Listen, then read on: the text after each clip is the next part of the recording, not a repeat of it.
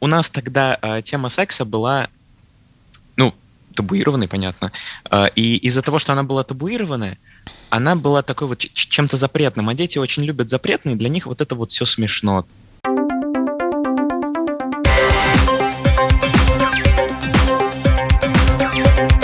Поколение Z.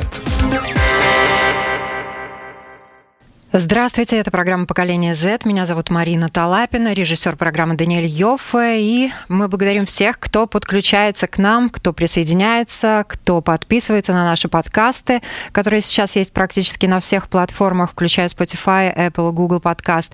И, конечно, кто смотрит нас на YouTube, ну и находит нас на нашем сайте. Это можно делать э, на сайте lr4.lv.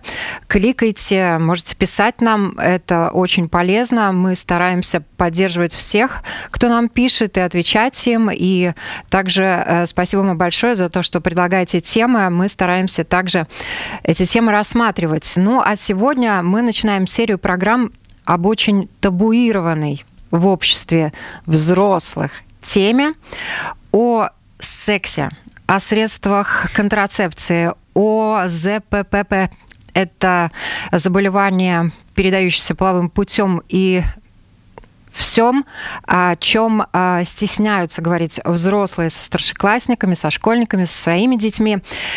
И о чем хотят знать подростки и о чем взрослые с ними стесняются говорить. Эта серия программ называется «Секс, культ, просвет». Расскажите мне о сексе, тема нашей сегодняшней программы, а также э, серии других программ. я рада представить с нами на связи Кира Вольдман. Кира, привет. Э, добрый день.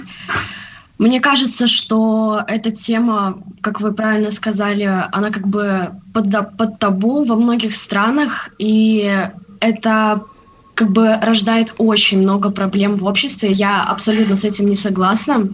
И поэтому мы сегодня будем об этом говорить. И я рада представить с нами также на связи Ариана Осипова-Путивцева. Ариана, привет. День. И э, Алекс Римлин. Это ребята старшеклассники. Алекс, помаши нам ручкой. Приветик. Конечно, мы решили, что разговор о сексе серьезный, а, разговор хороший, требует присутствия эксперта. Я рада представить сегодня с нами магистр психологии, психотерапевт, психоаналитик, человек, который активно занимается образовательными программами и вопросами просвещения по э, психологии, также практикующий специалист. Э, я рада, э, что этот человек не только теоретически знает материал эта женщина работает также и со взрослыми, и с подростками по данной теме. С нами Наталья Словесникова. Наталья, добрый день. Добрый день, Марина. Добрый день всем. Я знаю, что Алексу уже 18 лет есть. Девчонки, вам есть 18? Нет, нет. Ура. Ну, я надеюсь, что ничего. Главная наша задача об этом э, говорить, э, не, не, не только говорить об этом, а, а говорить об этом еще и корректно. Поэтому я надеюсь, что все рамки будут соблюдены, и взрослые люди э, не подумают ничего дурного, а наоборот, может быть, нас поддержат и тоже нам напишут какую-то обратную связь по поводу того, как им понравилось, как они восприняли нашу программу. Вот говорят, что подростки знают о сексе гораздо больше, даже чем чем некоторые взрослые. И одна из наших первых программ была посвящена э, девушке. Главная героиня была э, девочка, я бы даже так сказала, которая забеременела в 13 лет и родила. И она очень четко обозначила, о чем в школе и в семье с ней не говорили, а следовало бы. Давайте послушаем. Мне просто единственное, что хочу сказать, что я, мне очень жалко то, что мне в свое время никто про это не рассказал. То есть, да, мне правда, мне в школе мы пропустили по биологии тему полового созревания, нам про это не говорили, ни про что не говорили. Мне родители не говорили, как предохраняться, что. И, то есть, как бы, по сути, в моем окружении эта тема не обсуждалась. И мне очень сильно это задевает. Я сейчас читаю очень много про это. И у меня есть даже целый список, что во сколько лет ребенок что должен знать по этому поводу. Даже из своих знакомых, друзей никто об этом не знал в основном. И то, что неприятный момент, то, что я слышала от своей матери, она говорила, то есть у тебя был интернет, ты могла посмотреть. Такая, мне было 13 лет, мне было 14 лет. И, э, ты думаешь, я об этом думала? Я об этом не думала. Вот, то есть вот эта вот тема меня очень сильно задевает, потому что в школах об этом хотя бы нужно говорить. Ты обозначила очень серьезную проблему. То есть, получается, в школах об этом либо слишком мало говорят, либо вообще не говорят. То есть взрослые с подростками на эту тему и с детьми не разговаривают вообще. То есть, как я уже говорила, у нас по биологии эту тему вообще пропустили, в учебнике она была, мы о ней не говорили. Мы говорили о жуках, о грибах, обо всем, но не об этом. То есть у нас даже тема с месячными, она говорила только с девочками, хотя что в этом такого, парням тоже об этом, в принципе, полезно было бы знать. Поколение Z. Я хочу, чтобы э, наши ребята сначала рассказали о том, вот действительно, о чем, э, как с вами об этом разговаривают в школе и разговаривают ли вообще. Ариан, давай начнем с тебя. Да, я помню, что в классе пятом к нам приходили какие-то специалисты и разговаривали с нами о месячных. Я помню то, что мальчики уходили куда-то гулять, и вот недавно я начала задумываться о том, а почему их отправляли гулять, почему бы им тоже не послушать. Это довольно интересная, как бы, ну не то чтобы интересная тема, но ей, о ней нужно знать всем, ее не нужно стыдиться и так далее. Еще на биологии мы проходили анатомию, изучали гениталии, но подробно вот о сексе мы так ничего не разговаривали. Это, в принципе, все за все мое обучение на эту тему. Кира, может быть, тебе повезло больше или меньше? А, мне на самом деле так же, как и Ариане, это рассказывали в пятом классе только, и очень коротко. Нас завели в класс, посадили девочек с девочками, мальчиков с мальчиками, и просто пробежались по каким-то основам, по базам, которые, в принципе, мы на тот момент знали. И в этом, как бы, это и все. И сейчас, когда моя сестра младшая учится, э, в школе, как раз-таки в пятом классе, им уже такой информации вообще не предоставляют. То есть сейчас этого, в принципе, нет. То есть я считаю, что дети подкованы на эту тему, и разговаривать с ними не надо. Получается так. Получается. Алекс. Ну, к нам, по-моему, в шестом классе пришел такой дядечка, 70-летний, э, очень смешной был, похож на чокнутого профессора. Э, и он с нами не говорил о сексе, он с нами больше говорил о половом созревании мальчиков, о там э, произвольной эякуляции и вот о таких вещах. И это вызывало такой смешок, то есть э, как бы это сказать, у нас у нас тогда тема секса была, ну, табуированной, понятно, и из-за того, что она была табуированная, она была такой вот чем-то запретным, а дети очень любят запретные, для них вот это вот все смешно, то есть там, да. И у нас никто не воспринимал этот э, урок полувоспитания всерьез. Все просто сидели на задней партии и хихикали. Ну, не только за задней, да. Я вспоминаю, у меня тоже где-то плюс-минус в пятом классе эта тема была. К нам приходила медсестра школьная, тоже девчонок отдельно посадили. Вот. Э, но я также помню, была ситуация такая очень наверное, нелицеприятная э, по отношению к одной из моих одноклассниц. У нее раньше э, начала развиваться вот эта женская фигура, начала расти грудь, и мальчишки над ней потрунивали. И я помню, как она э, комплексовала, мы там ее пытались защищать и так далее. Но вот то, что нам об этом не рассказывали, и, в принципе, эта информация о том, что над ней потрунивают, даже не доходила до учителей, это тоже отчасти проблема того, что дети не знают, как развивается их тело. Да? Взрослые до них э, далеко не всегда это доносят, даже в семье. Наталья, мне хочется у вас спросить, вот э, ваш опыт, детский опыт именно, начнем с этого. Как вы узнавали в свое время об этих темах через школу, например, или не через школу, вообще ваш опыт? Я училась много раньше, чем все вы, я думаю. И тогда к нам никто не приходил ни на какие уроки. То есть я помню, был что-то курс анатомии по биологии, ну, как-то это был примерно одну страничку. и, и то для самостоятельного чтения. А, собственно, о вопросах секса, ну, поскольку я еще росла и училась в школе во времена отсутствия интернета, его не было тогда, в общем-то, мы узнавали об этом опытным путем, непосредственно на практике. Какими э, запросами, э, Наташ, к вам обращаются именно подростки? Ну, знаете, подростки совершенно разными вопросами. И я, во-первых, хотела бы отметить, что на сегодняшний день подростки это где-то ну, до 23 до 25 лет. Это то, что мы считаем сейчас подростковым возрастом, поскольку время меняется, и а, дети взрослеют позже. А поэтому сейчас такой подростковый возраст гораздо более пролонгирован.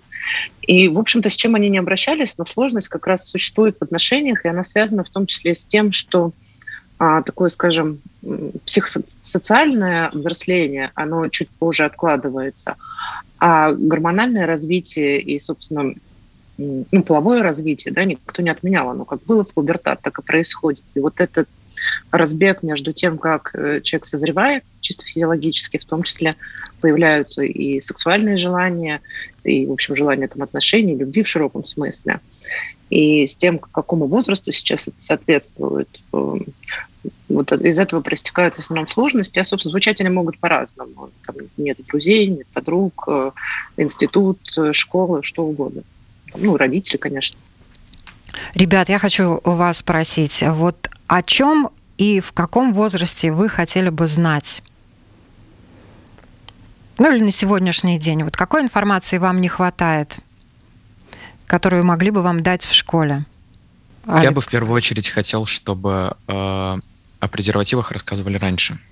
Э, то есть у всех начинается половая жизнь в разное время. У кого-то она может начаться в 20, у кого-то она может начаться в 12. И вот если как-то превентивно рассказать о, о контрацепции до того момента, как у э, самых ранних э, пташек начнется ну, половая жизнь активная, если вот превентивно это рассказать, это очень сильно поможет, потому что мне этого не хватило в свое время. Э, также было бы неплохо знать информацию об экстренной контрацепции, потому что, потому что, потому что может произойти такая ситуация, когда что-то пошло не по плану, э, и тогда дети как бы они сами сами себе остаются, приходится гуглить, приходится сходить с ума, что сделать, какую таблетку купить. Возможно, Э, девушке эта таблетка не подойдет, какие-то последствия будут, но родителям никто рассказывать не хочет, опять же, из-за этой табуированности. Да, было бы хорошо об этом знать э, более заранее. Ариана? В принципе, полностью согласна с Алексом. И я считаю то, что в школе нужно подавать информацию о половом воспитании, созревании как-то более дозированно. Допустим, начиная с пятого класса и вот по восьмой как-то, ну вот я говорю, дозированно. Что да. ты имеешь в виду под, под словом дозировано? Дозировано, ну, например, рассказывать про месячные в пятом классе, именно не сразу все вместе рассказывать, а по чуть-чуть, чтобы не нагружать ребенка, не вводить его в какой-то, не то чтобы эмоциональный шок, но вот в такой ступор, и чтобы он все воспринимал, но по чуть-чуть. Вот то, что касается менструации, девочки сказали, э, да, и указали на это, и наша героиня прошлой программы, одной из первых программ, которая была здесь в мультимедийной студии, как раз снята, э, о менструации мальчикам надо знать. И в каком возрасте эту информацию мальчишкам можно давать? Алекс, твое мнение? Я считаю, что мальчишкам можно давать эту информацию в том же возрасте, в котором и девушкам. Ну, то есть пр- просто знать для общеобразовательных целей, для того, чтобы понимать, что это такое, и не смеяться над этим, потому что я помню, ну, в, св- в свое время, а, в свое время мы, мальчики, подшучивали над девушками в этом плане. Кир, тебе есть что добавить? Да, мне есть что добавить, помимо того, чтобы, да, это реально очень правильно, мне, ну, мне кажется, было бы подавать информацию максимально постепенно, то есть не так, что вот в пятом классе нам пришли, все рассказали и все, до свидания. А вот именно, может быть, даже как-то с четвертого, может быть, с конца начальной школы начать постепенно вводить сознание как бы подростков и детей. Но еще мне, мне кажется, что было бы классным еще э, ну, рассказывать, естественно, не только про физиологию, там, как это все происходит, там, созревание и тому подобное, но еще и как бы с психологической и моральной точки зрения, то есть, ну, от, как правильно к этому относиться, то есть, э, чтобы подростки не пугались этого. Это действительно очень важно э, рассказать тем же девочкам о том, что у них начнется менструальный цикл, что это значит. Мне повезло с моими родителями. Моя бабушка и мама пришли ко мне, они мне все это рассказали. И когда я пришла в школу и там девочек собрали и об этом говорили, я уже об этом все знала, я была готова, что это плюс-минус вот где-то там в 12, после 12 должно начаться, то есть я психологически к этому была готова, не просто даже готова. Когда это началось, я маме по секрету сказала, и вот у нас в семье произошло так, что мы я пошла к этому, э, с этим к папе, и я рассказала папе, и для нас, и для меня это было э, событие. Я из девочки превратилась в девушку. Вот мне эта информация была э, подана так, да, и я думаю, что если эту информацию подавать правильно, корректно, тактично, в том числе и мальчикам, что тело и девочки, и мальчика будет меняться, они будут взрослеть, они будут готовиться к взрослому периоду своей жизни, и будут происходить такие, такие, такие изменения, это доставляет дискомфорт в каких-то моментах, в каких-то ситуациях. Но это все нормально, вот это будет правильно. Вопрос, кто и как об этом и где будет рассказывать. Я думаю, что Наталья со мной согласится. Да, я абсолютно соглашусь. И то, что я слышу от ребят, э, так что получается, что в пятом классе пришли, один разок рассказали, ну и все, остальное погуглите. Как-то так выходит, что так ввели немножечко в курс дела, э, там, намекнули, какие термины гуглить, и, в общем, дальше сами. И мое личное мнение, что, знаете, родители бывают разные. И вообще эта тема такая горячая, поскольку она вызывает много чувств. И, конечно, и родителям не всем удается справиться и как-то, ну, по крайней мере, полезно для ребенка рассказать еще что-то. Ну, собственно, на это дадена школа. И, на мой взгляд, об этом должны рассказывать. Вот начали с пятого класса рассказывать, и просто рассказывать, не останавливаясь. И вот, девчонки сказали, что дозировано, возможно, еще как-то, но это должно быть распределено, а не так, что там что как ты беременна, ну ты помнишь, тебе в пятом классе рассказали же, что вообще существует такая вещь, как беременность. Чтобы такого не было, чтобы всегда поддерживать, ну скажем, внимание, особенно в том возрасте, когда это актуально, в возрасте пубертата. И самое главное, наверное, о чем нужно рассказывать, что, собственно, помимо а, физиологических и гормональных изменений, а, изменяется эмоциональный фон, изменяются желания. И что, собственно, желание секса – это естественное, оно как, собственно, возникает в этом возрасте и дальше уже объяснять, как что с этим делать, как контролировать, как не контролировать. Там, э, ну, морально-этические аспекты тут, наверное, у всех разные, но, наверное, самое главное, э, что я постаралась бы всем подросткам доносить, э, такую вещь, с которой вот, я часто встречаюсь, по крайней мере, вот среди девушек, которые ко мне обращаются, э, что им неудобно намекнуть, что там нужен нам презерватив, что это вот ну, какой-то такой момент проявить недоверие как-то разделять подросткам, что это не про вопрос доверия, это про вопрос безопасности. Это, из этого не всегда следует там недоверие партнеру или еще кому-то. Ну, вот такие, наверное, важные вещи.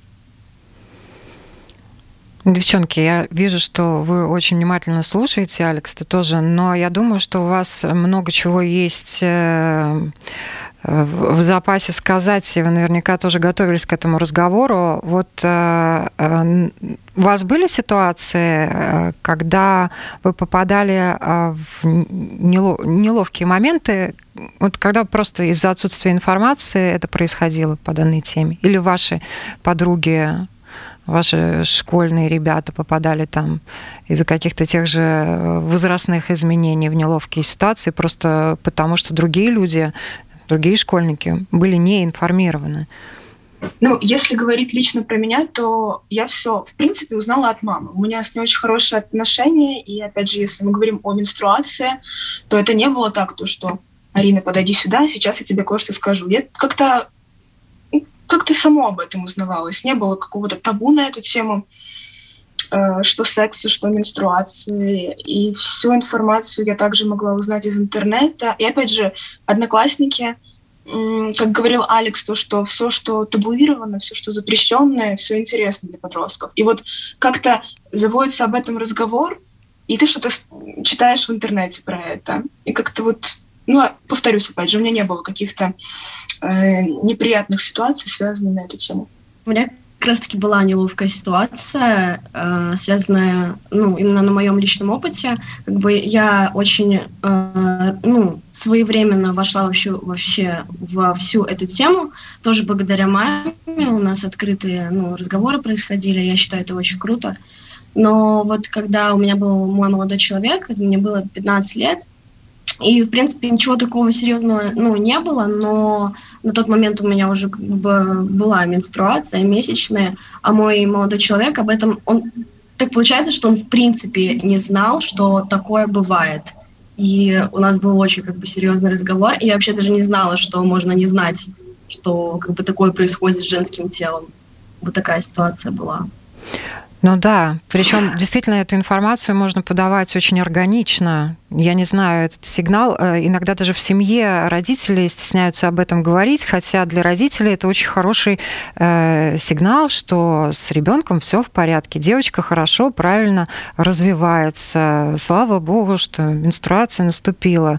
Это такая тема вот абсолютно непонятная э, для меня, почему же она табуирована, а почему об этом стесняются э, говорить, если это нормальный физиологический процесс, который длится у женщин большую часть их жизни. Да, и э, еще один момент, такая тема, вот я сейчас произнесу, наберусь смелости и произнесу слово порнография. У меня в свое время, когда я работала на телевидении, был опрос. Я опрашивала старших э, школьников вообще, что они об этом знают, э, видели, не видели. Вот. И ребята старших классов, они уже все знали, видели, перевидели, и им эта тема уже была не особо интересна. И они э, в ответах говорили о том, что жалко младших школьников – школьников помладше, потому что у них, если они вообще не готовы к тому, что такие вещи в жизни существуют, э, там родители вовремя не, позна, не позаботились о родительском контроле, у них там в какой-то момент в телефоне случайно выскочило что-то не то, они были к этому не готовы, вот их, говорят, жалко. Что вы думаете по этому поводу? Какие у вас, может быть, есть идеи, ребята, вообще, что, что вы знаете о порнографии и как эту тему взрослым надо преподносить детям? Я не очень понимаю, в чем в чем может быть э, жалко ребенка в этом плане. То есть я, когда в первый раз увидел порнографию, для меня это было как э, э, у нас в старшей школе э, была такая штука, что мы скидывали друг другу э, всякие отвратительные картинки э, и, и видео с очень плохими вещами, которые я не хочу озвучивать. И это было больше вот так, типа, фу, мерзость. А, у меня не было такого, что я травмирован. Я просто думал, что фу, зачем люди это делают? Они же там э, в туалет этим ходят и, и, и все такое. Девочки, ваши мысли, ваше мнение, ваши советы взрослым на эту тему?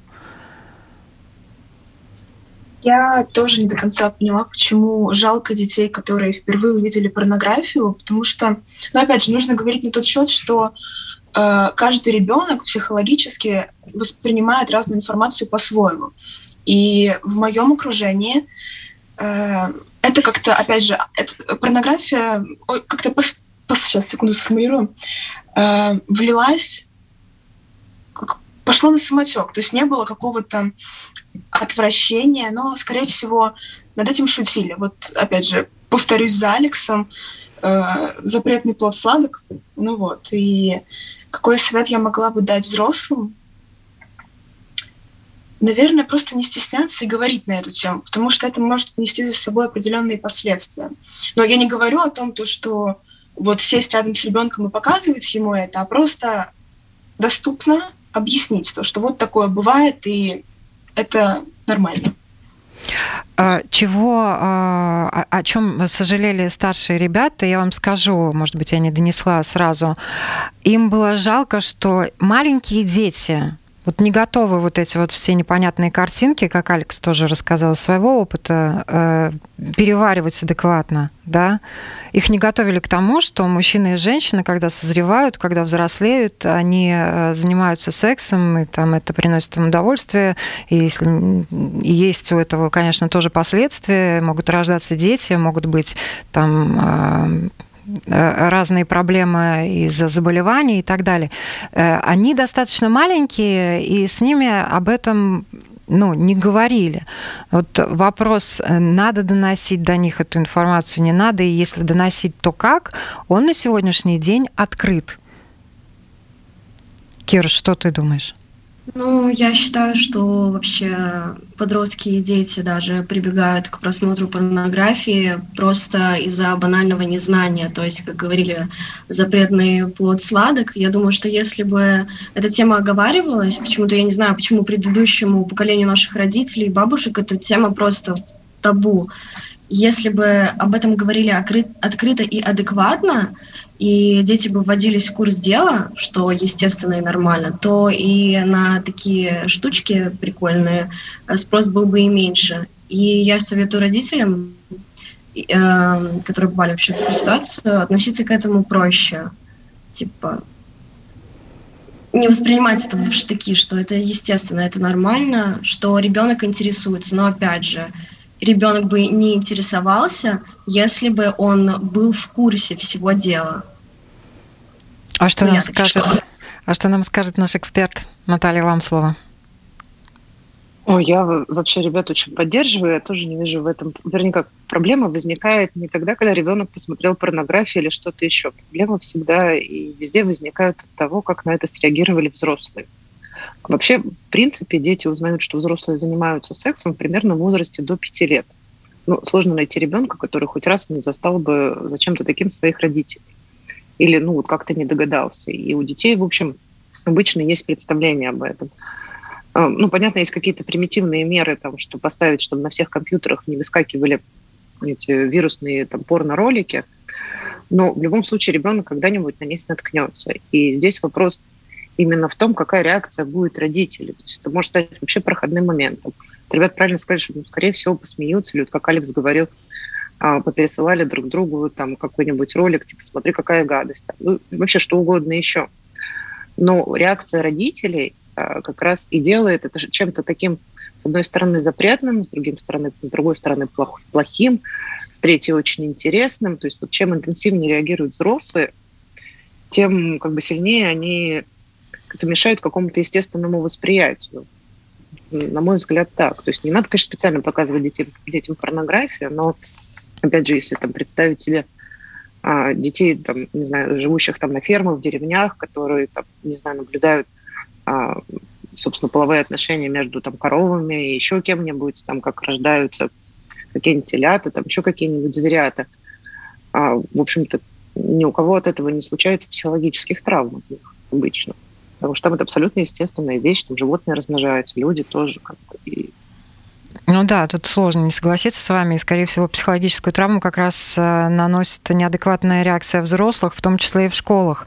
А вообще, на ваш взгляд, в школах об этом надо говорить? Тоже ввести какие-то дополнительные уроки, как вы сказали, что после пятого класса надо планомерно, периодически с детьми, а может быть даже еженедельно там, или раз в месяц говорить о разного рода вещах, которые так или иначе связаны с половым развитием, взаимоотношениями и так далее.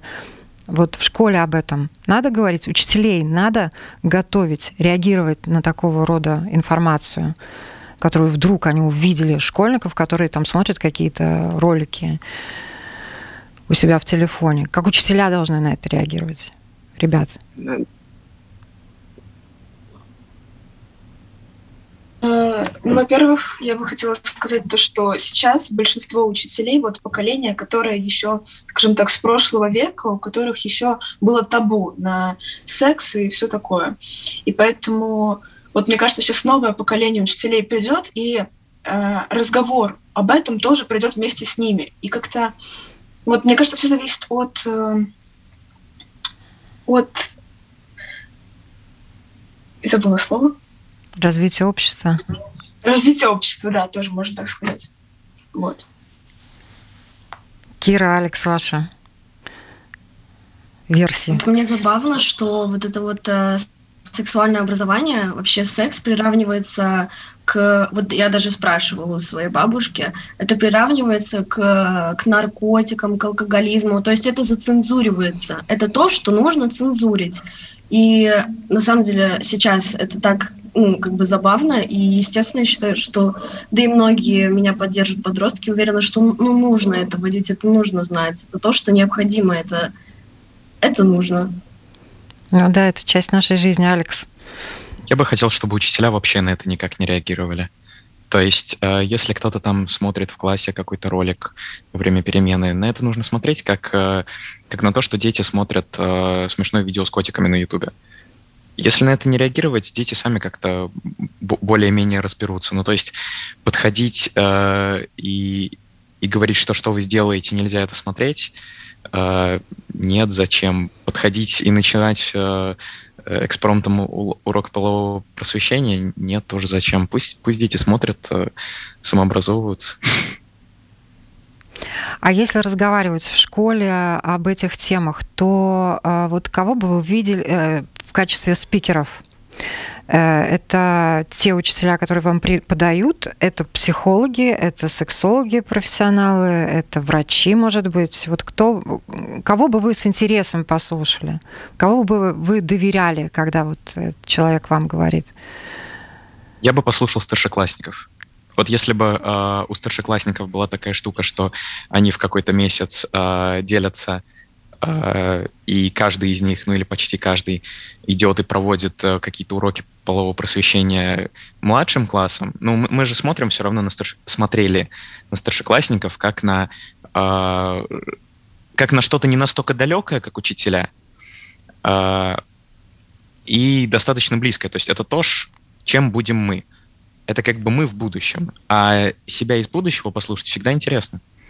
Но эта тема немножечко такая тоже для взрослых, я думаю, они будут озадачены, как доверить такую информацию, давать э, пускай и э, взрослым, но детям, да, потому что тут э, также все-таки как ни крути, есть и отклонения, да, и вот как не скатиться в эти отклонения, как э, проконтролировать, что человек, который э, э, которому доверяют дети, да, которые информируют их на эту тему, там, не ушел в какие-то там условно извращения. Просто все-таки взрослый человек, он несет за это ответственность, и его легче там, наверное, к чему-то призвать в случае чего. Тут вот... простой выход. Отправлять вместе со старшеклассником одного учителя, который будет просто на это смотреть и следить за тем, чтобы это не уходило не в то русло. Наталья, мне хочется вас услышать. Я, вы знаете, прям сейчас сижу, думаю, потому что Алекс сказал, вот вообще не добавить, не прибавить. Ну да, это я тоже, это идея классная. схема, потому что а, действительно, ну, как-то, ну, я не знаю, вот смотрели, наверное, был сериал такой, по-моему, так и назывался, «Половое Sex Education, да. Да. А, и там очень замечательно как раз этот момент показан, как где там вот приходит вот эта героиня, вот эта мама э, в попытке заниматься, значит, половым просвещением, ну, значит, подростков, все такие посидели, посидели, пошли поговорили с ее сыном. Ну, то есть это действительно э, самый такой рабочий момент, и если делать действительно такие группы, а, в которых будет ну, какой-то специалист, который сможет, ну, учитель, не учитель, психолог, там, кто это, а, который сможет объединять вот эту группу, где будут старшеклассники, где будут там, те помладше, это было бы вообще замечательно, потому что в том числе был бы обмен, например, там, с чем столкнулись, с какими сложностями, там, что ждет и так далее. Ну, мы из будущего, как сказал Алекс. И единственное, что скажу, что, конечно, начинать надо с учителей. И по поводу, по-моему, вот, Алекс тоже сказал, что очень было бы изумительно, если бы учителя научились бы не реагировать, не реагировать именно из своих каких-то таких чувств. Им становится, ну, то есть я представляю себе этих учителей, то есть в моем подростковом возрасте, еще, я не помню, вот вообще видеомагнитофоны появились, по-моему, когда я в институт поступила.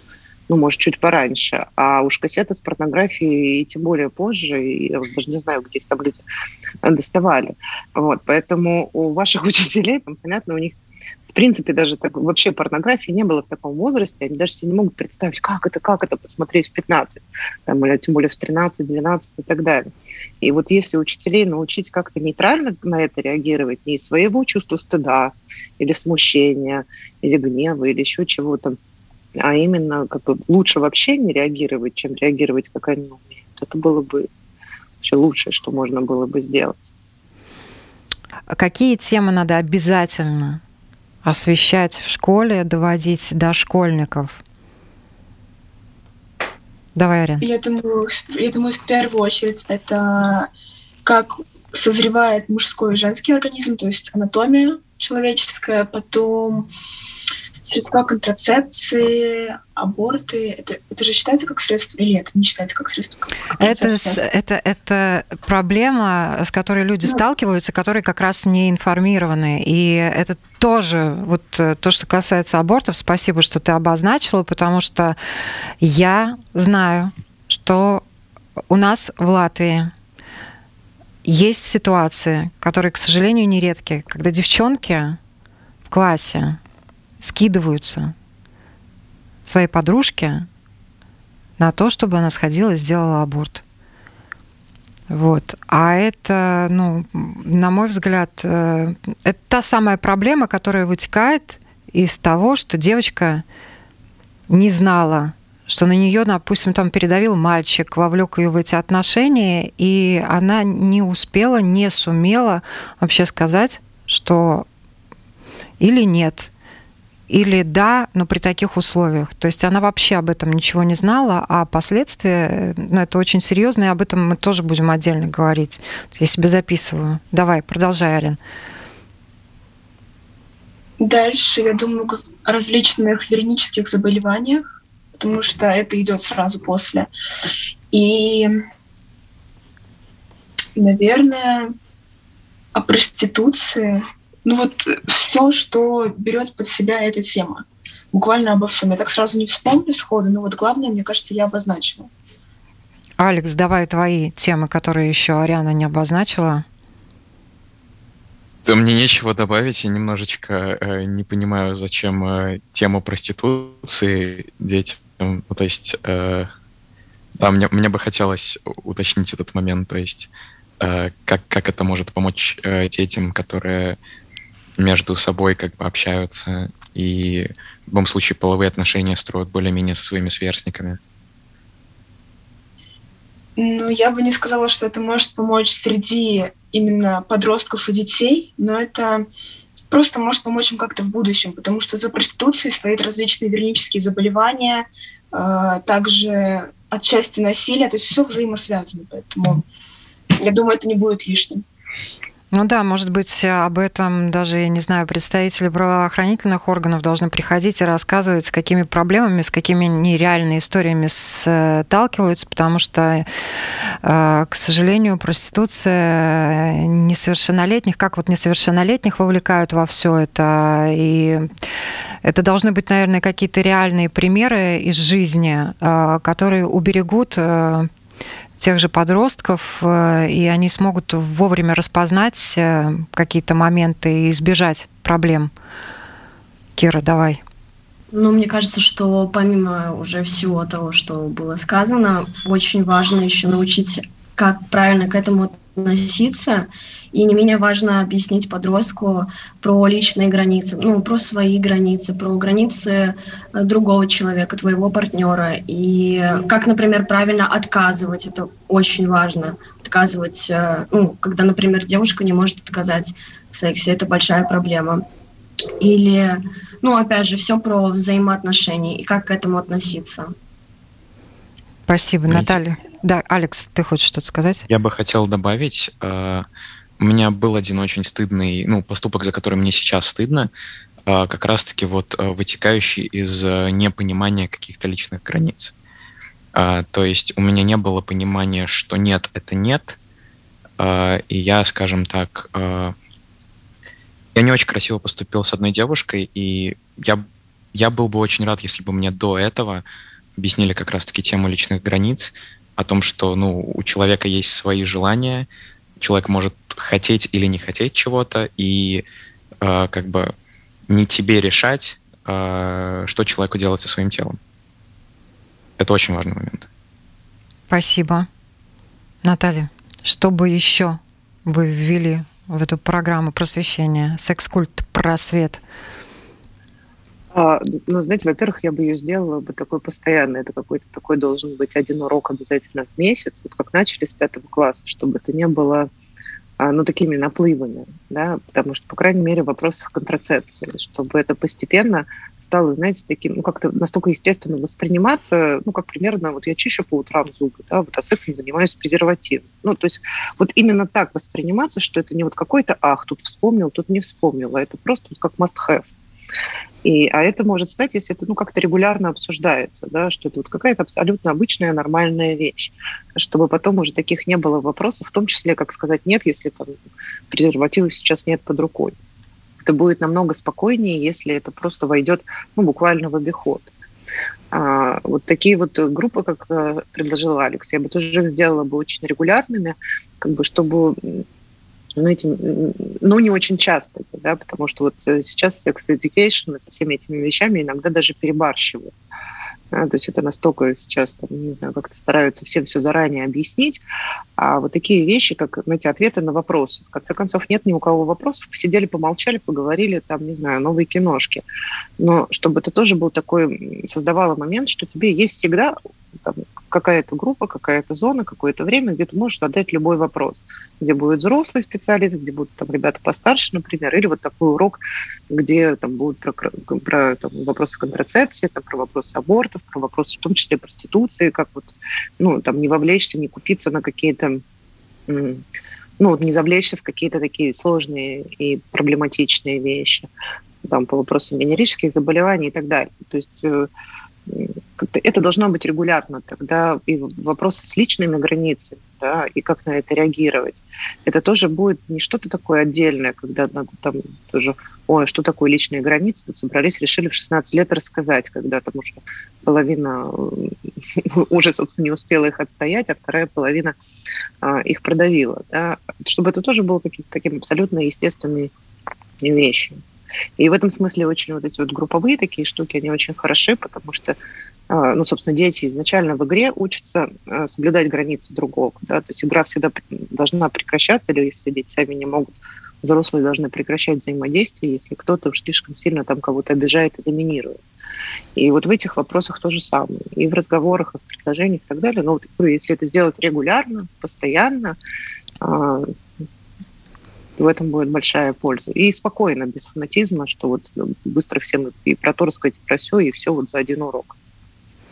Да, вот из того, что говорили ребята, я вот в очередной раз убед... ну, как-то не, не просто убедилась, я, я вот это действительно услышала, что взрослым, когда они решают, каким образом заниматься а, тем же сексуальным просвещением, половым воспитанием, вообще хорошо бы послушать подростков.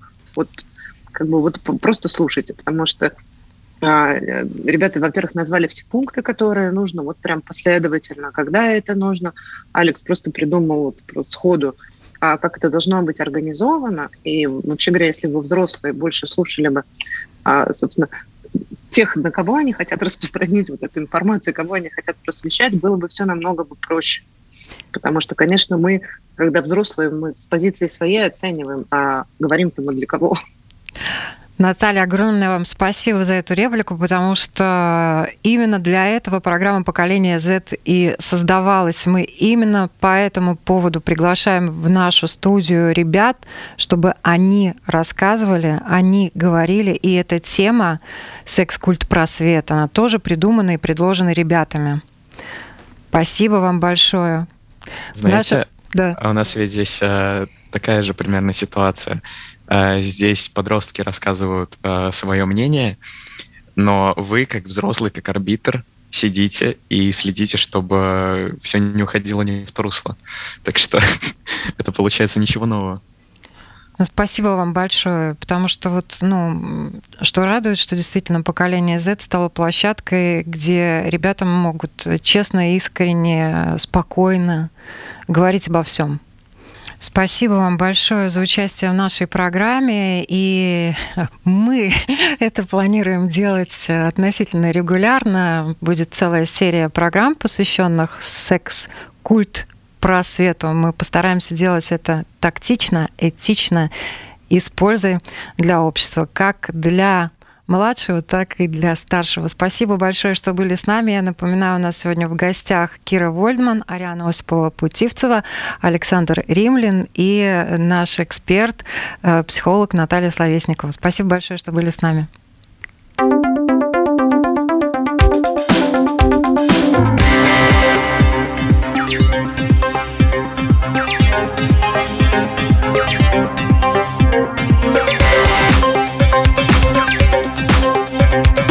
Поколение Z.